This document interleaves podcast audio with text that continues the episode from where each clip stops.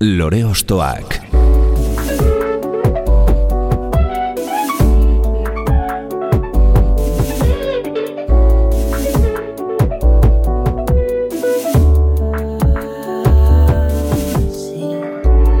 Ekain perezek aurkeztuta, gonbidatu bakoitza lore bat balitz bezala ostokatuko dugu. Jakiteko, zeintzuk diren bere lore ostoak. Haupa, zer moduz, ongietorri lore ostoakera. Pianoaren teklak txuribeltzean ikusten baditugu ere, kolorezko sentsazio eta sentimendu estanda erraldoian murgildu hoi gaituzte bere soinu, melodia eta harmoniek.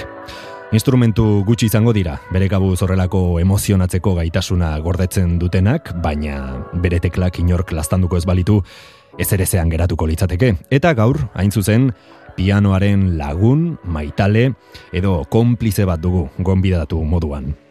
Argentinan, Rosarion jaiozen mila bederatzen da berrogeita maseian, eta Euskal Herrira etorritakoan hasi zen bere bidea, Imanol, Xavier Lete, Antion Balberde, Pierre Paul Berzaitz eta beste hainbat artisten ondoan. Beste aventura batekin, Bider Bost kolektiboarekin itzuli zaigu oraingoan eta deseatzen gaude ostoz-osto pianistaren doinuak biluzteko. Hau, lore ostoak da, eta gaurko gure lorea, Carlos Jiménez.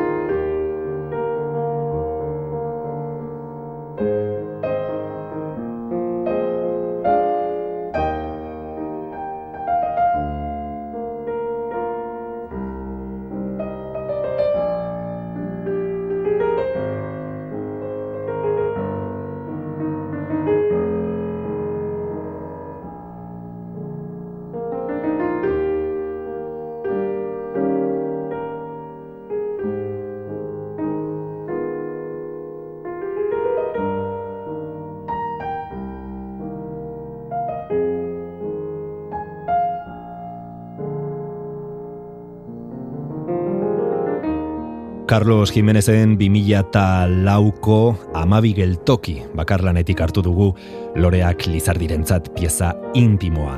Eta hitzez aipatutakoa orain gure belarri eta gorputzetan sentitu izan dugu.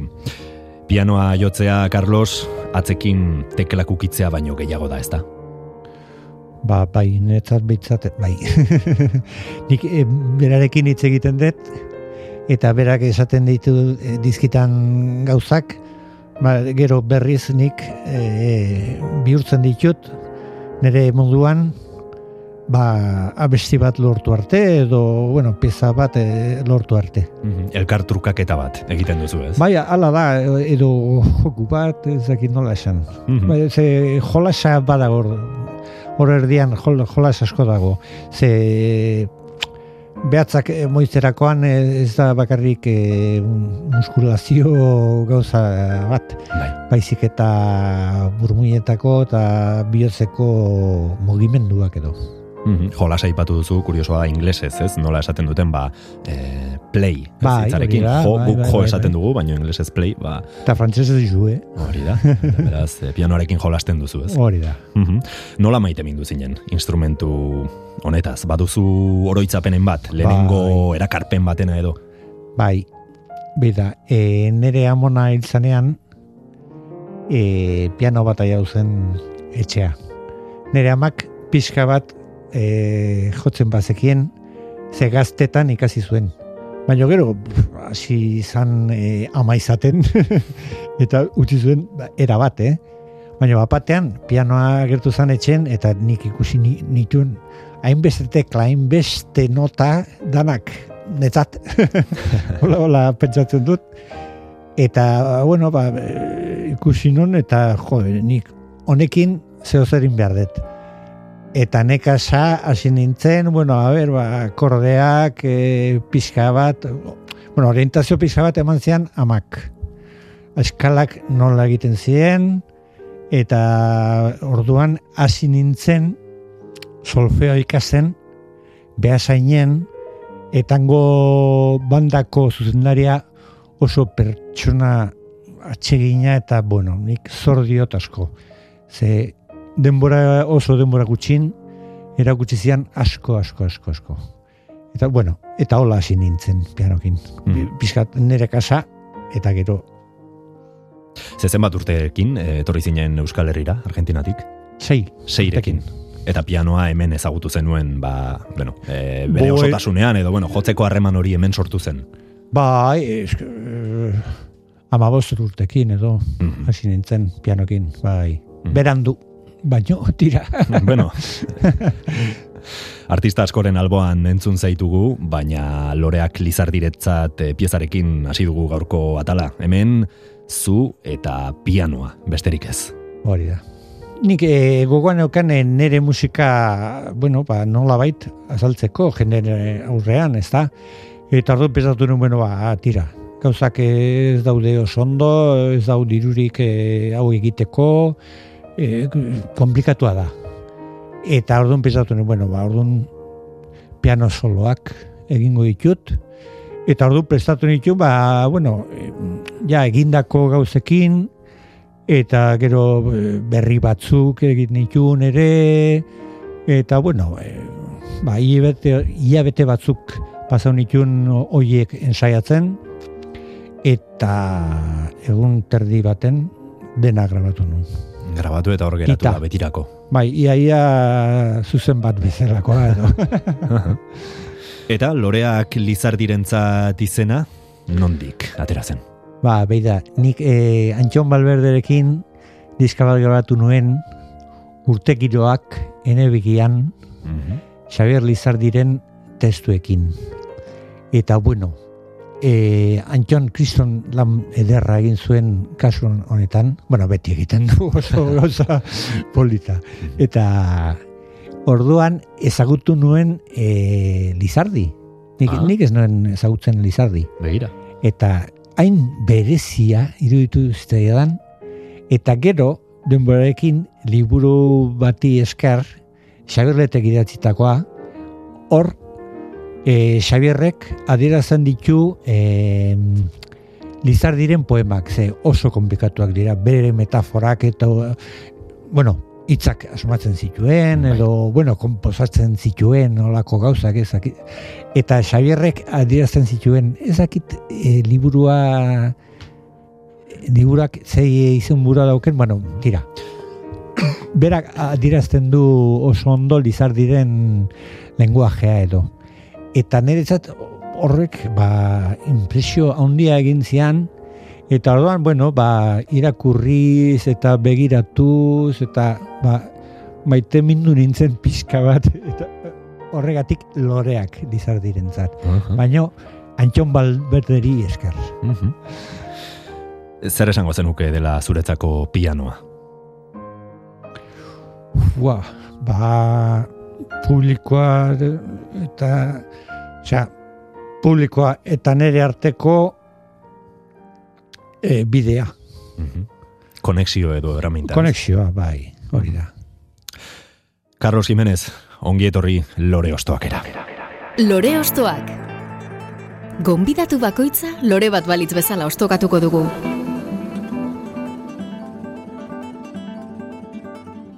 Bakarlari moduan entzun zaitugu, baina zure izena beste artista batzuekin lotu ditugu eta horietako bat da inongo zalantzari gabe Imanol. Zer da bere izena entzun eta burura etorri zaizun lehen pentsamendu edo hitza? ba, nire gaztetasuna. Ni be, bera, osea, berarekin hasi nintzen hogeita bi urtekin edo. Eta esperientzia oso motza zen, ze bakarrik ba, oskorrirekin demoraldi txiki bat ibili eta neon.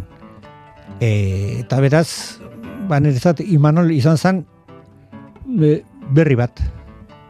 Bea, Parisen bizi izan zen, eta bapatean nik hemen ikusi nuen oso hauts bereziki eta bere kultura berezikin ere eta ordan dena sorpresa zien baina beren ondoan nik ikasi nuen pixka bat berak ikasitakoa. E, beak asko asko gustatzen zitzaion. Berai e, gauza berriak e, kastea Ordan beti diska berri baten bila zeon edo liburuak edo po, poemak oixe, gero musikatzeko eta hori zen eta gainea Martina zan bere laguna Frantziakoa. Eta ba, horre ba ezakin nola esan e, kultura berezi bat ezagutu nuen eta hortik abiatuta ba, ezakit nola esan, e, baino, sentitu nintzen e, profesionalagoa. Bai. Bai, osea, gauzak kontrolatzen nintuela hobeto. Mhm. Ate berri bat irikitzi zaitzun, ez? Hori da, hori da. Eta berekin eskenitako abestietatik, hau azpimarratu diguzu lehenengo. Maiteagoak udazkenean zuaitzen osto gorriak. Horitasunez apainduriko makal zuzenen gerriak. Ego aizetan lokartutako iratze okre geldiak. Ego aizetan lokartutako iratze okre geldiak maiteagoak azken mugetan iraganaren zantzuak. Lore sumeen petalo eme urrizkutuen kantuak. Euri epelen gozotasuna gaueko zeru altuak gozotasuna gaueko zeru altuak. Mila bederatzen da laurogeita biko iratze okre geldiak diskoa zabaldu dugu, berriro igon hau zuen hemen dira, entzunez. Zergatik azpimaratu nahi izan duzu abesti hau? Bueno, ba, hau begira, e, behin e, junginen imanolen etxea bisita egitea, Eta beha orduan e, Pascal Gein, Michel Nespriaz eta Jean-Loup Arguzekin e, ari zen. Eta nik, bueno, ba, beha jakiteagatik e, ni, ni zertan ari nintzen kasete bat. Eman nion doinu batzuekin. Ah. Eta handi gutxira, telefonon deik, deia, eta esaten dit, aizu, bi poema aurkitu ditut zure doinuekin eskontzen dienak. Aiba. Eta batzan e, Xabirleteren berriro igun nauzu enemen dira eta bestea kejata promesa Gabriel Arestirena. Nik, bueno, e, aukera bat egin behar nuen e, diska berria ontako abestiako goan eta hau aukeratu nuen ze poema oso polita da. Eta, o, e, bueno, ezakit, e, nik e, kariño berezi bat dauketo honekin. Mhm. Bertan dio Imanolek, maiteagoak azken mugetan iraganaren zentzuak. Urtea aurrera joan ala, iragana etorkizunak hobetu ezin duenaren sentsazioa ohikoa izan ohi da, ez? E, joandako egunak gaindi ezinak direla, alegia, e, nostalgia esperantzari gaiendu izaio. Ez pa, ni ez naiz oso nostalgikoa, ez. Ena nahi dut e, oraingoa mirestu, ze edo besterik, eh? iragana joan da eta etorkizuna oraindik ez da etorri. Orduan oraingoa daukagu eta ezakit, e, nostalgiak pizkat e, beldurra ematen dit nostalgiak. Ze e, uste horrekin sartzen gehala. Eta oraingokin berpisten gehala. Ez dakit, e, berezia da, baino nik ala senditzen dut. Bai, aurrera begiratzeko e, beldurri gabe, ez? Eta batez ere oraina. Hori da, hori da. Orain egiten garena eta olako gauzak. Beti hola begiratuz, e, oraintxe grabatu dugun diskoa eta oraintxe egin dugun e, musika hau, e, orain jodeten e, iba, Iñaki Salvadorrekin solo hau edo dana oraingoa. Mhm. Horrek e, bizirik zaudela gogoratzen dizu ez? Edo... Ala, ala uzet, bai.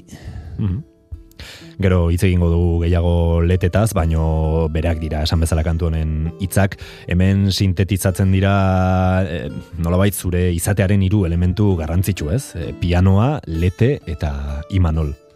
Bai, egia da, bai. Arratzea daukizu, bai, bai, bai, bai. Beraz, eh, ondo justifikatua dago, ez, kantua aukeratzea. Eh, bai. eta eh, nola sortu zen Imanol eta zure arteko harremana? Ba, begira, eh, oskorriekin harremana bukatu zen, eta ordun anaia eta biok, Imanolena joan ginen, eta, bueno, zurekin lan egin nahi dugu, eta, eta beha, Ah, ba, oso ondo. Ba, etorri zaioetara eta, bueno, begiratuko dugu, haber zer egin dekigun. Eta ensaiatzea, ensaiatzea, eta sentimentoan ospo zidizka grabatu genuen. bueno, zerbait ikusiko zuen, ez? E, zuregan, ba, oniritzi hori emateko, edo, bueno, hainbeste urte, hainbeste urtetan, ba, elkarrekin lan egiteko, ez? Bueno, Gauza gaizki dituela egin Oso irekia zen, eh? Orduan, edo zen gauza onartze zuen e, dastatzeko. Mm Ta gero, bueno, bai, segurazki berak dastatuko zuen zer ona edo zer ederra.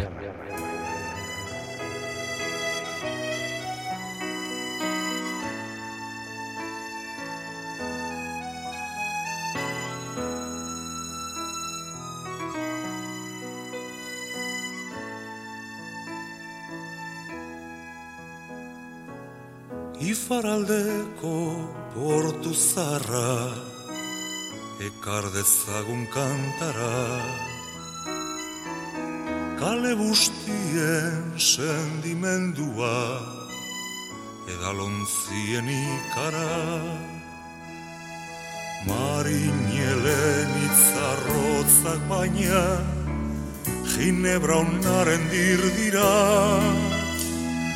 Gau biluzti Ia sartzen zitzaigu Begizabalen ninira Gau erdiaren ere muetan Labana hoa kaidera. Izari sile argi azpia Odolbero alurrera. Txampon berri ez erosi Amodioen jokora Oestutan ez zaten gine Itxas lamien alzora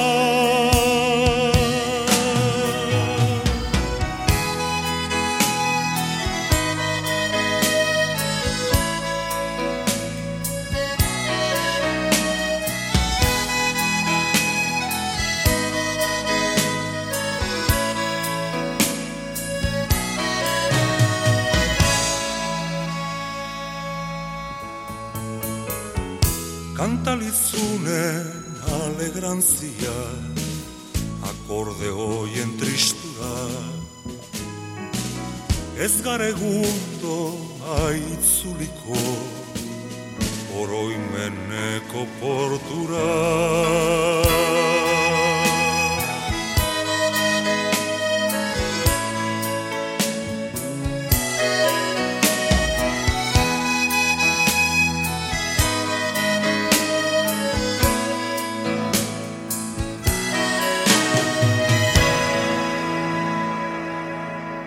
Carlos Jimenezen oroitzapenetan barrena gabiltza Imanolekin bizitako esperientziak eta konpartitutako abestiak entzunez oroimeneko portua, mila bederatzi da laurogeita zeiko mea kulparik ez diskotik ekarri diguzu beste hau, zergatik? Bueno, eh, oso abesti berezia da. Eh, sarre nahi diaren iesaldia eta hori oso kontatuta dago. bai. Baina, bueno, tira. Handik e, gutxira, Imanoli aiatu zitzaion poema bat. Eta berak eman zian, eta, a ber, Carlos, a ber, honekin zeo zer egiten duzun. Eta oso kasu berazi bat izan zen, ze ni etxea aiatu nintzen, letra atrilen jarri nuen, eta ordu erdi baten edo abestia egina zeon. Aha. Eta bakarrik e, gauza tekniko bat zeon, eta er, abestien erdian tonua e, aldatzen ez baldiman nuen, gero estrofa, bigarren estrofaren egiterakoan tonu bat gehiago zegoen asuntoa.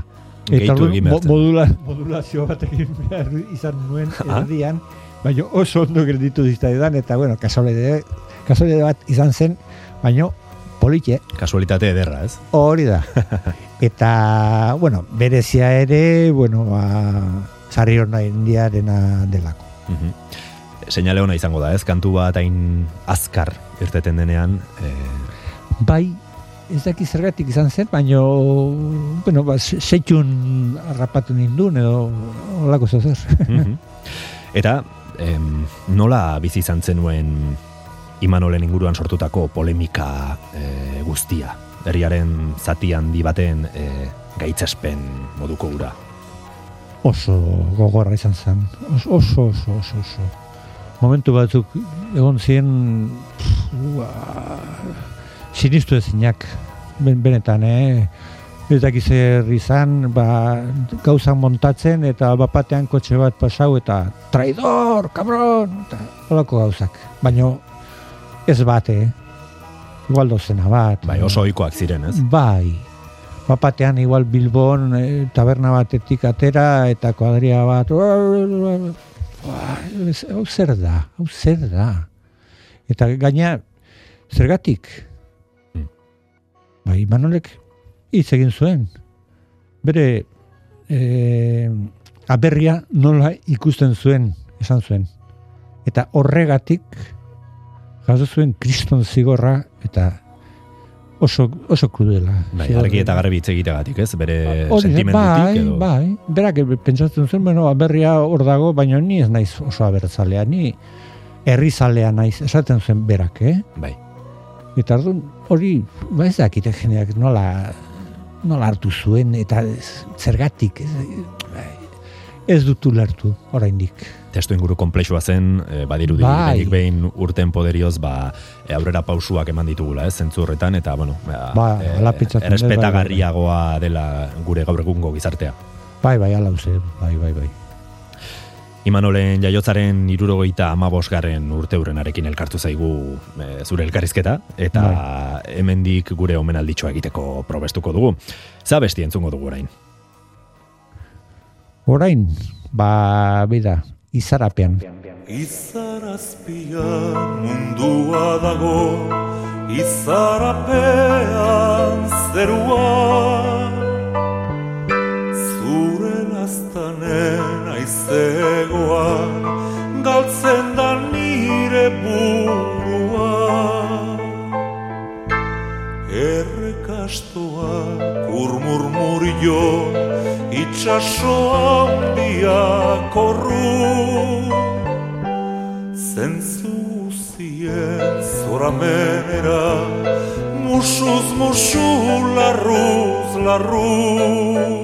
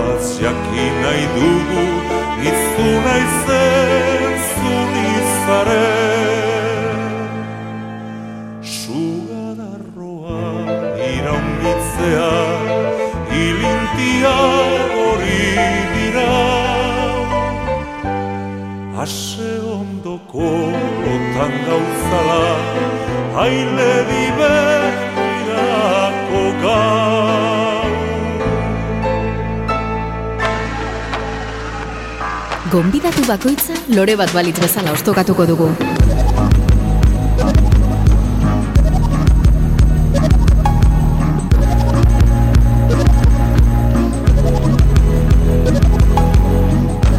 Laurogeita zeitik, laurogeita bederatzira egin dugu salto Imanolen muga beroetan laneraino, eta bertatik ekarri diguzu izarapean, kasu honetan Joserra Gartziaren hitzekin eta zure musikarekin osatua.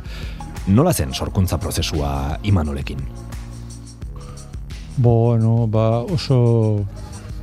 Ni, oso aske sentitzen nintzen. Berak po- poema hau adibidez, eman zian, eta bueno, nik hola ikusi nuen, aurkeztu nion, eta gustatu zitzaion. Hain simpleki. Eta gero, ba, eh, ka, bueno, kaso honetan eh, moldaketa oso simplea da, bueno, simplea. E, piano asko, txelo pixka bat, eta bajua hor dabil, e, ere, baino ez nuen komplikatu nahi. Ze tekstua oso, oso polita da, eta nik e, hori argi eta garbi utzi nahi nuen, eta horretarako ba, e, moldaketa oso simplea izan behar zuen. Lekua utzi behar diozu, ez? Hori da. Bai, letra oso oso ondo entzuteko. Mhm. Ze, bueno, eta de, liriko eta erotikoa aldi berean da, eta jo, mentzat, eta gainean nik Joserra Gartzia talentu hori zeukela, nik ez nekien, eh? Nik, eh, nik eh, ikusten non periodista bezala, pentsaurrekotan eta holako gauzetan, eta eta bapatean poema honekin, ostra, ba, tira, honek balio do, eh?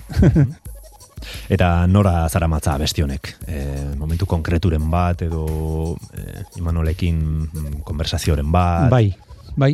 E, entxegu baten eguna eta bere etxean lakupol deitzen zion. Aha. Ze hor e, goien Kupula zeuken te, te, oso teiatu berezi bat eta bueno, lakupol deitzen Aha. zion. Han entxegua egin gendun eta gero ba bueno, taberna batea eta whisky pare bat hartu genuen eta bueno, tira. Bizitza ospatu, da. Eta pizkat beroa, e, e, etxea joan, eta, bueno, ja poema eskutan, eta, bueno, ja, denbora gallego zer sortzeko, baina tira, e, oso gustorak ditu nintzen, e, zera, egin nuenak, egin nuenakin, eta ala gelditu zen. jarrai dezagun Carlos Jimenez ostokatzen. Lore ostoak.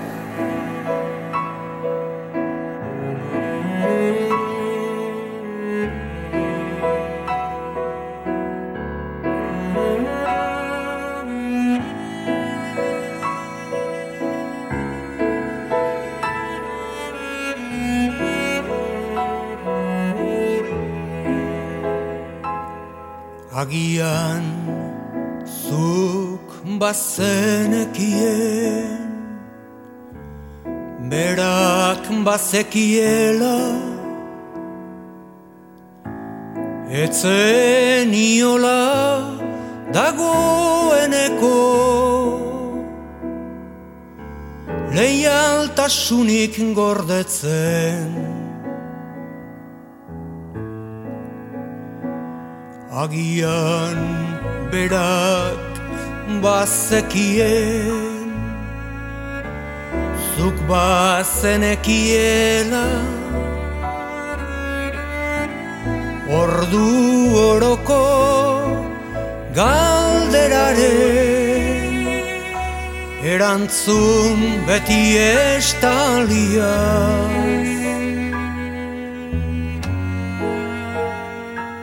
Orduan udaberriko lore xumeak. Ikusten zenituen gauez Mesanotxe gainean portzelanazko ontzitxoan.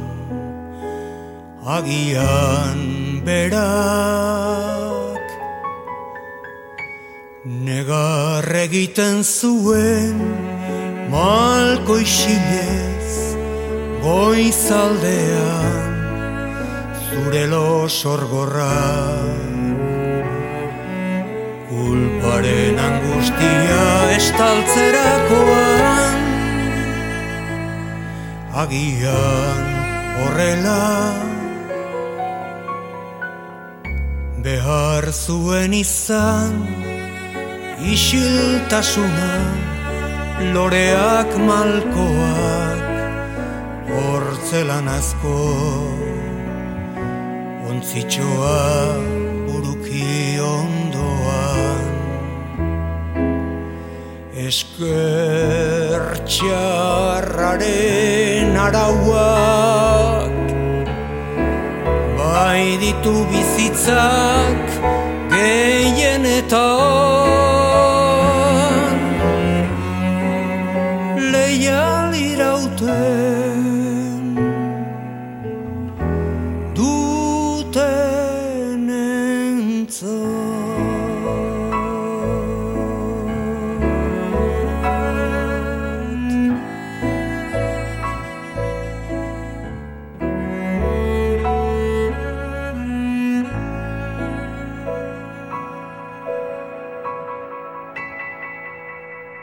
Imanolen kapitulua itxi eta Xavier Leterena iriki dugu zure bizitzako beste pasarte eder bat, ezta?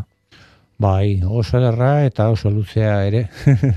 Askorako eman zuen, eh? bai, amabost urte edo ibili ginen elkarrekin. Eta ba, niretzat izan zen ere, ba, leheno esan duten bezala, Imanolekin eh, beste kultura bat eh, ikusi nuen, eta Xavier Leterekin ba, berri bat. Mhm. E, Xavier, bueno, ba, bere euskera, bere mundu poetikoa, e, Xavierrek ez zituen hartzen e, poemak e, e, liburetatik ez ez berak egiten zuen, e, bueno, eta bestiak ere bai, eh? Hortuan, oso mundu berezi bat izan zen eretzat, eta oso atsegina, zeren bion arteko harremana mm, oso oso polita bihurtu zen benetan, eh?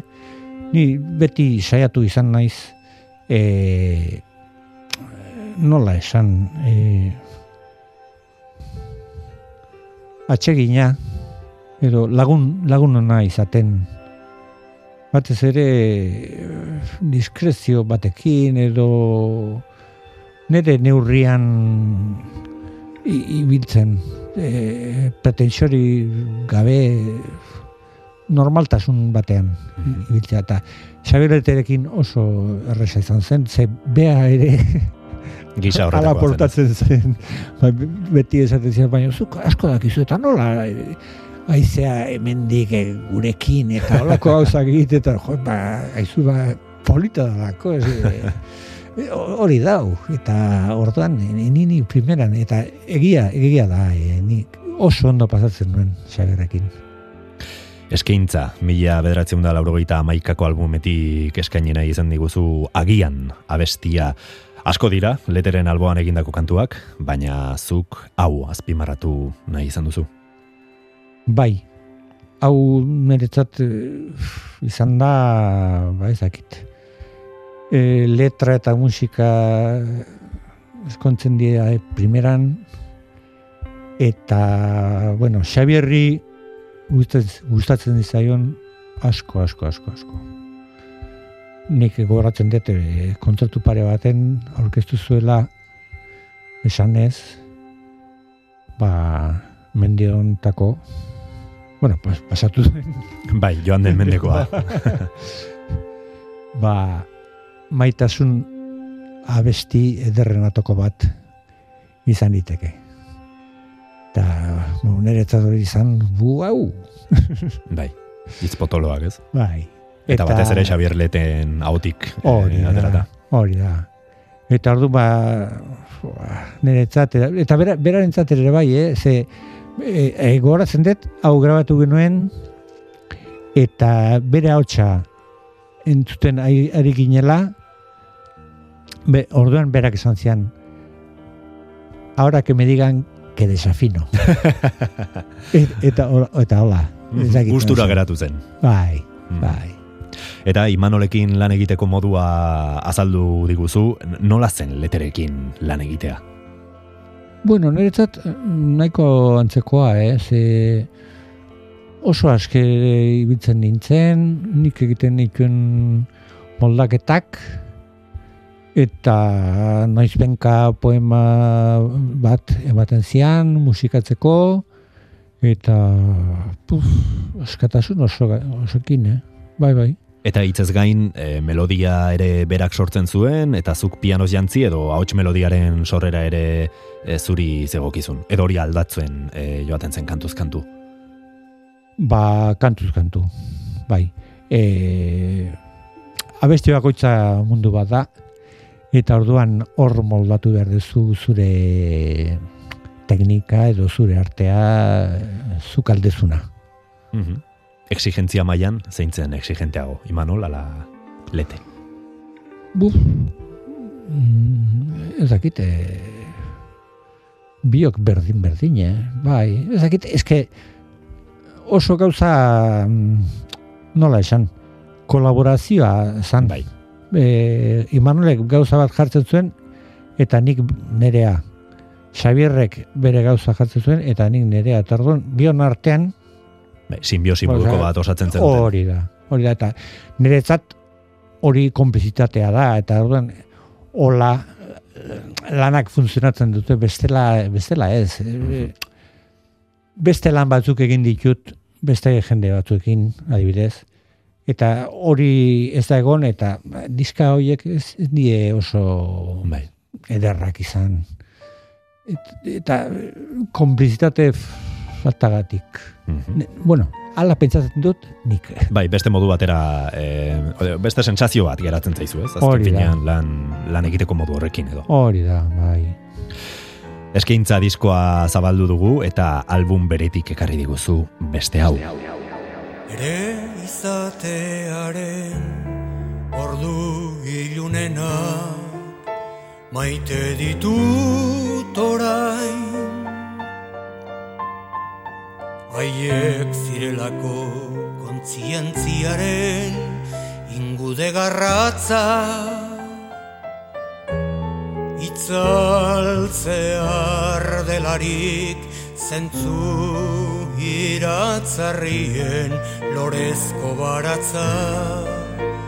Ezin baitu tazia gatzak estali zuen lurrantzuan erein. Zuaitzeldua naiz hilo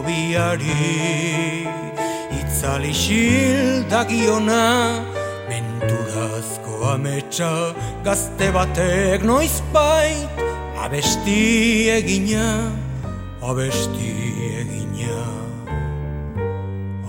Atxedena balitza usa ziraunkorra eta lotan grina bere soseguan argitzu litzateke. Urrezko gizona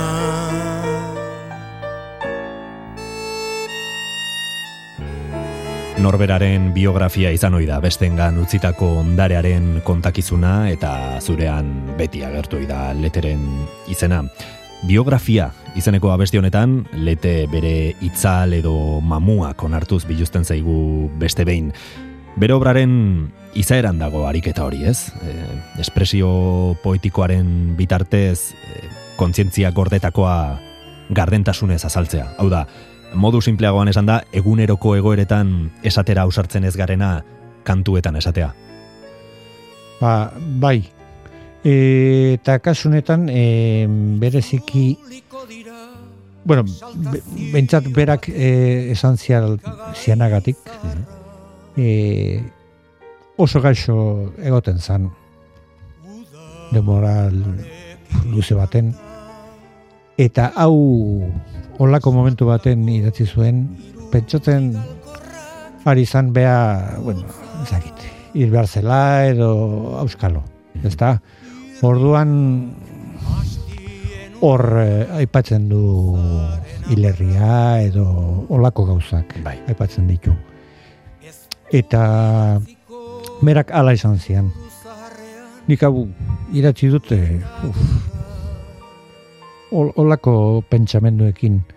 Eta orduan, ba, ni saiatu nintzen, ba, bueno, ba, beti bezala e, musika bat letrekin ondo eskontzen dara. Eta, bueno, nire ustez lortu nuen, eta abesti polita gelditu zen, eta berak ere oso ondo interpretatu zuen.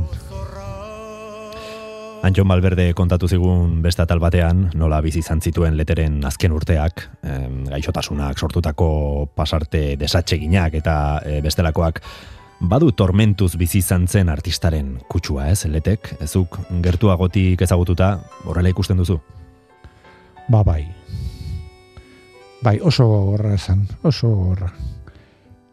Uf, oso...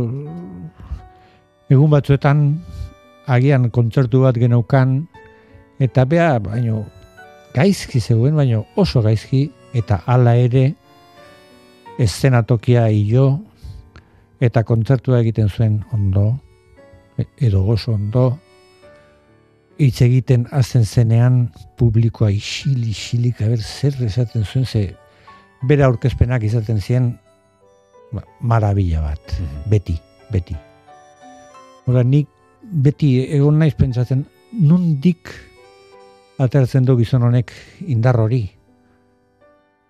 oso gaizki dago kriston mina dauka eta hala ere publikoari ematen ari zaio dauken dena. Eta gezurra ematen zuen nola inbeste dauka. Nola posible da hain gaxo egotea eta hala ere hainbeste ematea. Ze kontzertua bukatzen zen eta agian etxea eraman behar genuen, baina Bai, zi. ziplo inda, eh? Hola. Eta orduan hori, horako gauzak nire, bezakit, harritzen daute. Agian estenatokia e, realitate horretatik ies egiteko modu bat zen, ez? E, parentesi Bai. bat jarri eta Bai, pixka bat bai, magia hori hor dago eta eh, horri esker agian ala izango zen. nola ezagutu zenuen e, Xavier Lete eta nola hasi zinen berekin lan egiten. Ba, bera, e, ni Imanolekin grabatzen nahi nintzen e, diska bat, ez, dut gogoratzen zein, baino etorri zan eta, e, bueno, Carlos, e, nik zurekin hitz egin nahi nuen, eta, jo, eta ni, wow, nire zer nervio, Lete, ostra. bueno, ba, vale. Eta, ba, taberna bat, batea jun ginen, eta, bueno, ze, ze hartuko duzu, ze, berari asko gustatzen zitzaion, ni edaten eta jaten ikustea. Ah, bai? be, bai, bea, gaso zegoen, ezin, ezin Bai, zuen bai. ondo jan, ondo edan, eta hola, eta orduan gustatzen zaion, venga, zeo jan, eh, zeo edan, eta, bueno, ba, tira, vale. Beinik behin bestea disfrutatzen ikusi, ez? Hori da. eta hasi ginen elkarrizketan, eta ni oso gertukoa ikusi nuen, jo, nik, espero bueno, ba, pertsona famatu bat, eta orduan, ba, bere alturatik hitz egingo zuela edo. Ba, ke ba, oso gertukoa izan zen nerekin, oso maitagarria, eta hortik abiatuta ge- gertatasun hori eh, hasi zen. Eta horri esker bion arteko lana aberaztu zen, baino asko, asko, asko. Ez egoen handi usterik edo beregan, ez? Ez ki ba, aldrebez, e, bera, ez dakit nola esan, geisten zen mm, pulpitotik, Mhm. eh? eta biok elkarrekin Beste bat gehiago zen. geunden eta kitxo. Artista oiartzuararen memoria alde batera utzi eta Carlos Jimenezen ibilbideko beste pasarte baten bila goaz orain. Ekain Perezek aurkeztuta, gonbidatu bakoitza lore bat balitz bezala ostokatuko dugu. Esaguzu, Carlos, eh, norekin goaz orain. Pierpol berzaitzekin eta abestia musde erio. Askok eh, baratze bat kantuaren sortzaile bezala eta eh, beste batzuk guk taldeko parteide gisa ezagutuko dute bertzaitz. E, zu abestiaren izen bera daraman eh, baratze bat, diskoan hasi zinen berekin lan egiten ez? E, 2000 Bai. urtean. Hala da, bai, bai, bai, bai. E, bera ere, bueno, ba, ni Imanolekin ibiltzen lai nintzen, eta bera saldu zan, eta, bueno, nerekin lana egin nahi zuela, eta, bueno, ba, nik esan nion oixo baietz. Eta diska hori grabatu genuen, bai. Mhm. Baina, e, zuk beste abesti bat ekarri diguzu ez? E, Bai, kasuan, bai, izanekoa. Bai, hori da. Hau, e, bueno, denbora pasatu zen, eta egun batean eman zian poema bat oso berezia. John Donne e, Inglaterrako idazlea, Shakespearean garaikidea, Mhm. eta eriotzaren kontrako poema bat idatzi zuen, e, zeren eriotzari esaten dio, bueno, musterio, e, frantsesez, monsieur de, ez zaiz e, senyorito izan, Aha. ez, e, zaiz arroputze jarri, eh? ze guk badakigu zerdan bizitza, bai, lo hartuko dugu e, erotzagatik, baino gero esnatuko gara betirako, eta zu hilko zara. I hilko aiz. Eta ez dakite hitz hauek niretzat oso berazak dira. Agian John Donek e, idatzi zituen e, mm, religiosoa zelako edo ez dakit nola esan ba, fede batetik abiatuta. Nik ez dut hola ikusten, nik e, ikusten dut ba, eriotzari desafio bat bezala edo. Eta orduan hori gustatu zitzaidan asko. Eta gero ba doinua gustatzen zait, nola gelditu zitzaidan. Mhm. Ukitzen duzun oro urre bilakatzen duzula dirudi, baina piano jole edo komposatzaileak abeslariarekin alderatuta, nolabait itzalean edo eh, bigarren plano batean geratzen dira, ez? Nola bizi izan duzu hori? bueno, e, plano asko daude. bai, segun eta nundik begiratzen duzu baita. Nik beti begiratu dut e, musika nola jartzen dan airean. Beraz, e, bateria, bateri jole batekin baldin banago, ba, ni sinkronia behar dut berarekin. Gitarra jole bat badi- badago, ere bai, eta orduan taldea eskontzen da. Eta orduan musika goraka dijo, bestela ez. Eta hor dau, ez daude planoik.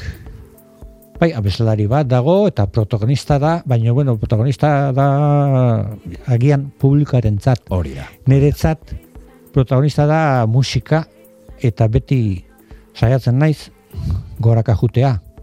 Ez e, ritmo aldetik edo martxa aldetik edo volumen aldetik. Ez ez, goraka estetikoki edo artistikoki. Mhm. Hor bi publiko mota egon daitezke, ez agian e, publiko bat, ba, e, menuk esango musikaz gehiago dakiena, baina agian e, musikan gehiago interesatuagoa edo e, gustuko duena musikan barneratzea, ez? Eta beste bat, ba, agian e, azaleko e, gauzekin geratzen dena, ez? Bai, ulertzen dizut, bai, bai, bai, bai. E, eta hala da, hala da, bai, bai, bai, bai. Jende asko badago, ba, bueno, ba, teatroan sartzen da, Eta, oh, bu, ah, zakit, eh, espektakuloa begiratzen du, baino ez eh, eh, musika begi itxiekin, bai, adibidez, ez, ez du sentituko, sentitu, sentitzen dena, bai. musika begi, begi balio du. Badakit ere, ezena tokian gaudenok, zeo zer gordetu behar dugula. Mm -hmm. Ezin dugula tokean ba, tira hola egon eta bai, ere jaten eta kaso ez, ez, ez. Gu pixka bat aktore gea, mm -hmm. ze estenatokian pixka bat aktore bihurtzen zera. Baino, principalena da ba, musika ondo funtzionatzea.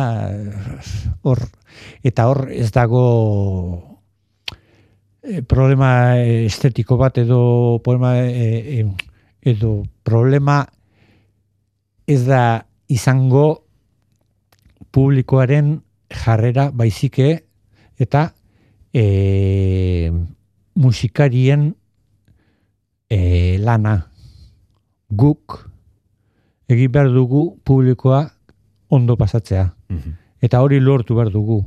Baina musikalki e, aktoreak baldin bagara, primeran, baina musikariak baldin bagara, lehen gauza da musika. Oinarria musika da, eta Oinarria. bestea ba, komplemento bat edo gehigarri bat. Hori da, hori da. John Donne, poeta ingelesaren hitz euskaratuak dira, Pierre Paul Berzaitz, zuberotarrak. 2005 bosteko lili baten kantorea lanean abestutako hauek. Entzun dezagun, Carlos Jimenezek musikatutako musde erio. Ez adila handi muste herrio Zunbaitek indartxu eta beldurgarri Etxigaren espehiz hala, espehiz hala Menperatzen dutiala, uste dukanak Espeitira hiltzen erio gaixua eta ez benaik eramanen eramanen iuduri diren pausata lotarik lazer hanitz dariok ordin hireganik Anice saboro Ireganik Anice saboro Eta laizter gure Gizonik oberenak Oberenak Irekilan doatzik.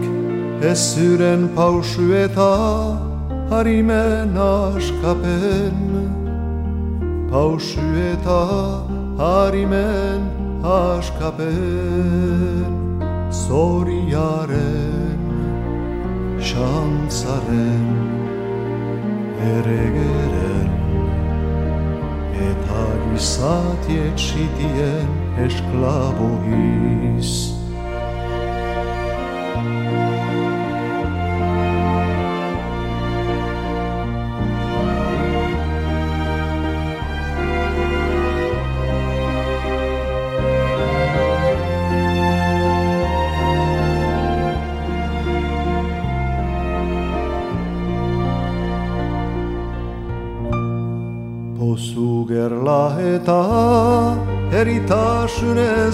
bizi Nobelar nirurek bardin lokarazten Hire ukaldiek beno segurago Ukaldiek beno segurago Lo aldi labur bat eta betiko.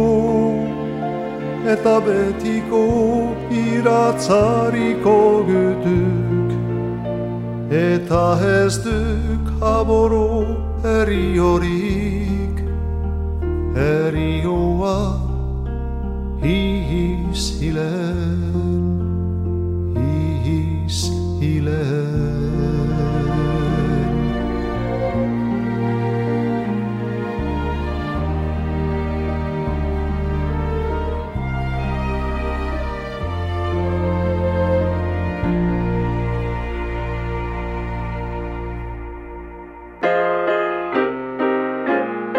Lore Ostoak.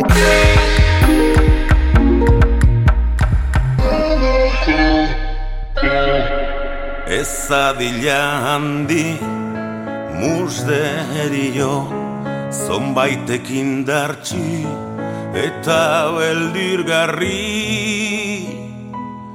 Etxigarren ez behizala, ez behizala Menperatzen ditiala Uste dikanak ez beitira hiltzen Berio gaixua Eta ez benaik Eramanen Eramanen Eta Pierre Paul berzaitzen musde eri hori jarraipena emanez, Carlos Jimenezen aventura berrienari paso emango diogu, hain zuzen, musde eri horren beste bertsio batekin. Kontagozu, Carlos, nola izena du proiektu berri honek eta zertan datza? Bai, beda, e, Iñaki Salvadorrek eta biok, Imanol Jaz esperientzian, ikusi genuen biok pianoan gauza oso ondo zijoala. Eta ardun, ba, pentsatu genuen, zergatik ez dugu e, diska bat grabatzen.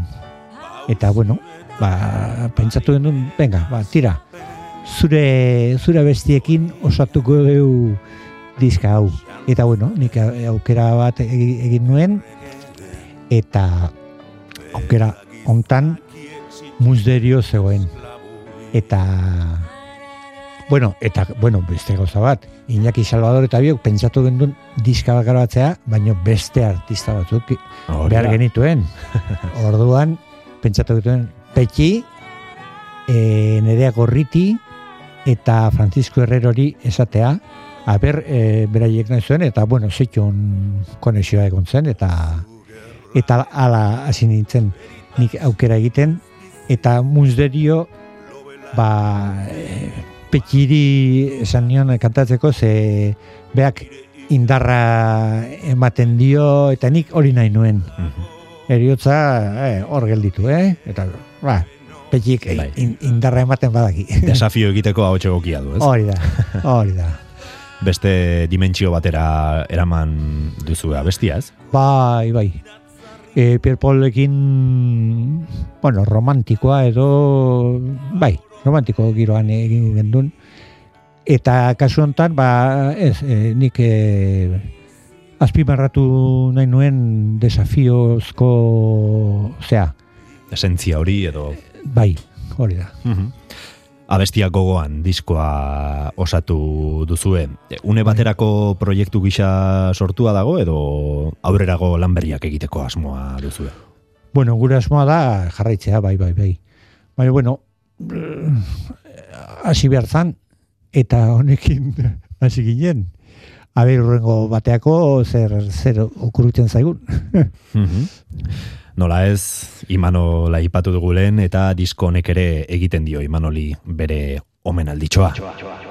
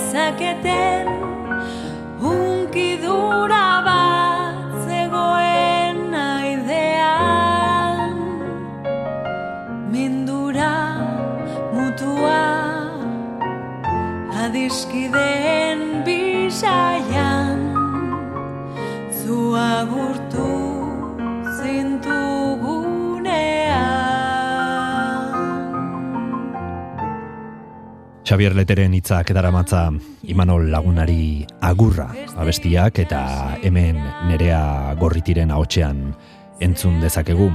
Nolatan otu zitzaizun edo zitzaizuen e, nerearekin lan egitea ze aktore lanetan ezagunagoa da, baina abeslari moduan ez du diskorik egin nik dakidala behintzat ez? Ez, oraindik ez. Baina, bueno, e, aurki single bat aurkeztu behar du. Ah, begira. Bai, bai, bai. Aha. Bueno, ba, Iñakik e, aurkeztu zian. Bueno, pasatu zizkian e, bi abesti, eta hau nerea gorriti da, eta uf, nik esan nion Iñakiri, haizu, e, honek, kantari honek, gurekin nahi baldin badu, baino primeran, eh? Netzat, eh, ba, oso, oso, oso hauts polita da, eta jo, eh, oso gustora egin nuke berarekin. Eta ordun Iñakik nereari esan zion, eta nereak zeitun ere baietz. bai, bai, zuekin, bai, bai, bai, oso gustora, eta ordun zeitun sortu zen konexioa edo, bai. Kantu hau e, bertzaitzek ere abestu zuen, ez? E, Imanol lagunari agurra. Be, bueno, bere bertsioa egin zuen. Bere bai. bertsioa egin Bai, zuen, honekin. Bai, bai, bai. Mhm. E, gogorra, ez? E, lagun bati Ba, beira. agur esatea. Bai. E, gainea, Imanolen eta elkarrekin egon ginen. Eta Xavier, buf, gaizki zegoen, oso haule. Eta nei, uf, batu zitzaizkidan bi gauzak. Imanolen eriotzaren tristura eta Xavierren haultasuna hori ikusita eta uf, ah, Bai. oso egun bereziki gogorra, tristea, oso tristea. Eguna oso polile zan, berak esaten du poeman. Ekaineko arratsalde bat zen, eh, ez dakit nola esaten du, baino hori, oso politxe zela, eta Mhm. baino, uf, Imanol zenduta eta Xavier hain ahule, hain gaizki oso oso erra egin zitzaidan, baino tira denbora pasatu zen. Eta Xavierrek poema hau eman zian. Eta bua niri asko asko gustatu zitzaidan. Eta asko kostatu zitzaidan ere doinua jartzea zeren metrika oso oso oso librea da. Bai. orduan ezin zan errepekatu met, eh, nola esan, eh, fraseak edo giroak ez ez ez Aldaketa eterno bat da. esal, esaldi bakoitzak behar zuen bere bere forma, bere metrika Bere da- komposizio propioa, ez? Bai, hori da. Hortan, asko gustatu, kostatu zitzaidan, baino azkenean gustoa gelditu nintzen, benetan. Eta Xabierri deitu nion telefonoz, eta esan nion naizu, honekin abesti politu egin dut. Eta beak esan zian, bueno, etxoen Carlos. E, gehiago daukezunen, e, entzungo dugu. Zeren beak pasatu zitzaizkidan e, po, mm, poema dozena bat, edo bai. Mhm. Eta orduan, ba, horregatik berak nahi, nahi, nahiago izan zuen beste batzuk egin arte ezen, hau ezentzutea. Aha. Ezta? Baina, bueno, zoritxarrez e, lehenago hil zen. Baina, bueno, e, ala ere, ni petzaten dut, edo nahiago dut gogoratzea bizirik zegoela, gure artean maitasuna zegoela, baita, imanoren kasuan ere bai, eh? nik gogoratu nahi dut bizirik, naiz eta eh, hemendik abiatuta egon. Mhm. Baina musikaren gauzi ederrenetako hori da, ez? Beraiek hemen ez daude fisikoki, baino beraien ahotsa, beraien pentsamenduak, beraien e, e, doinu haiek, ez? Ba, e, eternalak dira. E, hor daude e, zure bai. pianoaren gainean, ba, e, oi hartzun eterno horretan, ez? Bai, ala usteet, eta nipetan e, indarra jarri behar dela gauzak edarrak egiten, justu horregatik, e, eziltzeko, zuk egiten duzuna eziltzeko. Ni hilgo naiz, denok, lugara baino, gure obra hor gelditzen baldin bada, bueno, ba, pixka bat gure, gure zerbait hmm. hemen geldituko da. Eta petxiren ahotxean, entzun daiteke, neguan izan zen. Neguan izan zen, neguan Neguan izan zen, neguan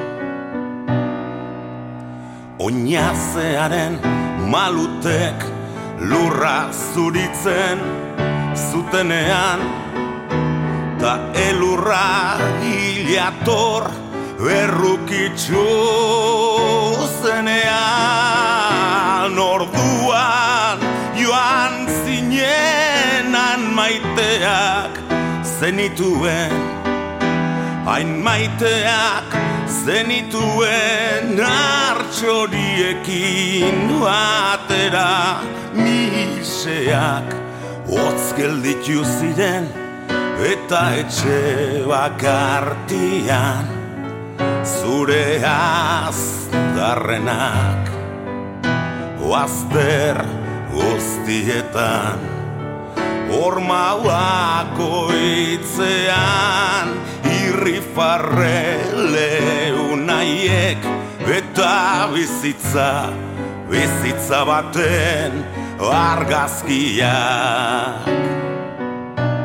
Egun sentiaren esku izoztuak Xavier Leteren poema bildumako pasarte bat da, neguan izan zen izenekoa, eta zuk beste behin musikaz jantzi dituzu hitzak. Pianoarekin bezalaxe, hitzekin harreman estua duzu. Beste ereminta bat gehiago da, ez? Zure espresatzeko ariketa horretan, edo beste komplementu bat. Bai, ala da. Bueno, kasu honetan gainea nik lurdez ezagutu nuen eta oso pertsona bereziki maitegarria zen. Horatzen dut uf, gure semea lebekin txikek zinen bere, bereien etxean egon eta neska gaztenari esaten zion sartu behatza azukrean eta txupau. Bai, bai, sartu, sartu eta txupau. Oso, oso pertsona libertigarria eta sensiblea eta benetan ez dakit nola esan. Emakume osoa eta ume bat bezalakoa batuetan. Eta orduan oso komplemento polita izan zen. Eta nik ala ikasi nuen. Eta letek poema hau ematen zianen, bana, puf, ba, ba, beha zeon ziploin da beraren zat, eh, bizitza galdu zuen zentzua. Baina, bueno, ala ere, poema der bat, idati zuen, eta nik ere, ba, puf, e, intarrasko jarri behar izan nuen, osatzeko, ba, kasu hontan, oso berezia izan behar zuelako, ezin da Hori, Manol lagunari egurra gauza berea da. E, pertsona ezagun baten ediotza. Eta lurdesen kasuan gauza bera, baino sabirrentzat, jode, Orain, be, betiko, gertuko, betiko laguna andrea eta ordan oso, oso bufa fuertea, eh? Baina, bueno, tira, e, lortu nuen. Eta gustora gelditu nintzen, ze nik entzuten dut dudanean emozionatzen naiz batzuetan, eh? egia esaten dizut. Naiz eta ni kompositorea izan, e, gauza ba naiz e, urrutitik entzuteko, ez dakit nola esan, baino egia da, eh? Eta hori askotan ez dut lortzen. Baina kasu honetan bai, eta bakoitzean, ua, sartzen zaite bihotzeraino eta fuerte, gogorra. Xabierrek neguan izan zen, izenburua jarri zion, ze beak negua gorro, gorrotatzen zuen. Ah, bai? Bai, hotza eta negua eta beak eh, maite zuen eh, almendrok, eh, mediterraneoa, Nafarroa, Mhm. eh, eta orduan nik ho- hori dana banekien, eta orduan eh, nik hori eman nahi nion abesti honi.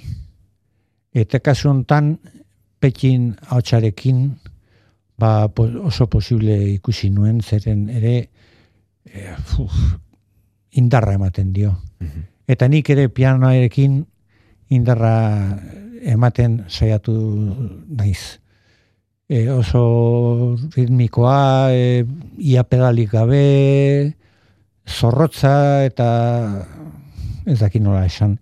Tom Waits giroan pentsatzen eta holoko gauzak zaila da, eh, adieraztea, zenditzen dudana. Baino- Hitzekin esatea, ez? Azken finean, Eh, hor barruan dagoena. tristura, baino ez tristura aula, ez tristura bortitza.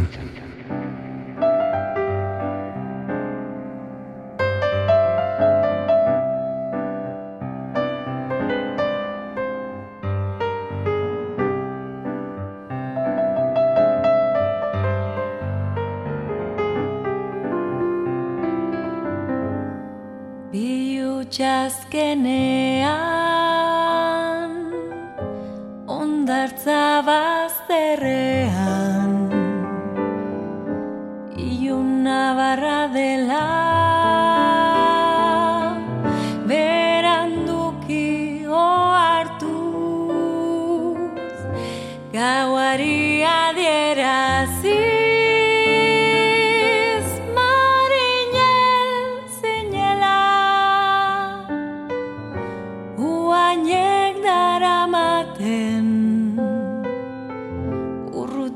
Urrutirako ontzian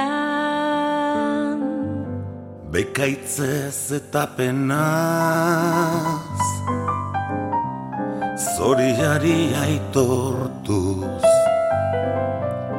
Ez dela beste ontzirik Sekula igaroko. Joan dakoen aurpegirik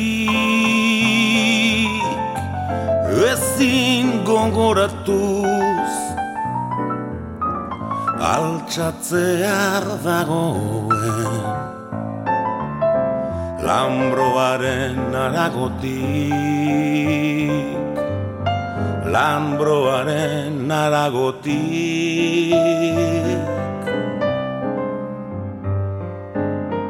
Carlos Jimenezekin izan gara gaurko atalean bere ibilbidea pintzelada txiki batzuekin laburbilduz eta bider bost kolektiboaren doinuekin iritsi gara amaierara, e, oraina bizitzeko ba, e, modu bikaina, ez? E, estudioan sartu bizipen hoiek e, sentitu lehen aipatu duzu gainera Iñaki Salvadorekin konplizitate polita e, dagoela Ba. pianoa jotzerakoan hori gauza ederra izan hori da, ez? Beste musikari batekin sortzen diren konexio hoiek e, askotan jotzen ari zarenean ba, telepatia moduko bat egongo balitz bezala badakizu besteak zer egingo duenia, ez? Bai, ala, da, eh? Ala bai. Kasu honetan, bai. hasi ginen, bueno, nik ezagutzen dut bera e, e, gaztetatik Eta beti mirezu dut bere jotzeko modua. Eta e, beha nerekin ere pixka bat o- olako sensazio bat eduki du beti. Eta gero eta adizkiritu, e, gehiago adizkiritu gara eta gero hori ere musikan nabarmentzen da, zer komplizitate hori sortzen da, eta zuk esan dezunez, ba, telepatia bezalakoa da, eta orduan nik badakit pixka bat zer egin behar duen, eta hori jakinda berak ere badaki nik zer, bueno, sortzen da hor, e, nol- nola esaten da, gel- gelditu, e, gelditu ezin dela energia bat, eta eta hori ederra da. Baina ez bakarrik inakirekin, eh? Bo- Bosteon, bosteon artean sortu da komplizitate berezi bat, eta bo, hor, horri esker diskoa ba, azkar grabatu zen, eta mere ustez ederra gelditu da, eta kontzertuetan espero dut e, oraindik goragoa jutea. Esan diguzu, proiektu honi jarraipena eman nahi diozuela eta ez dut zalantzan jarriko pianoa jotzeari ez diozula inoiz e, utziko. Ostoz osto biluztu zaitugu eta biluts azkenean entzunez, agur esan behar dizugu, Carlos, mila mila esker gure gonbidapena onartzearen. Ba, mi eskertzuri. Ondo izan.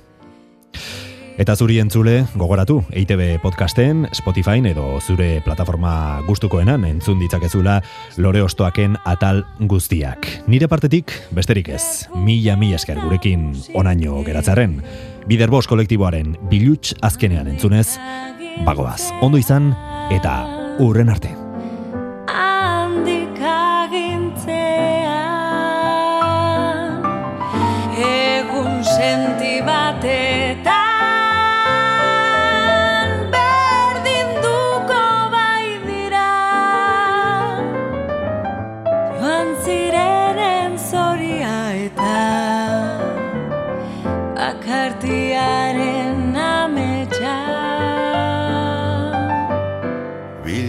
Bilutxazkenean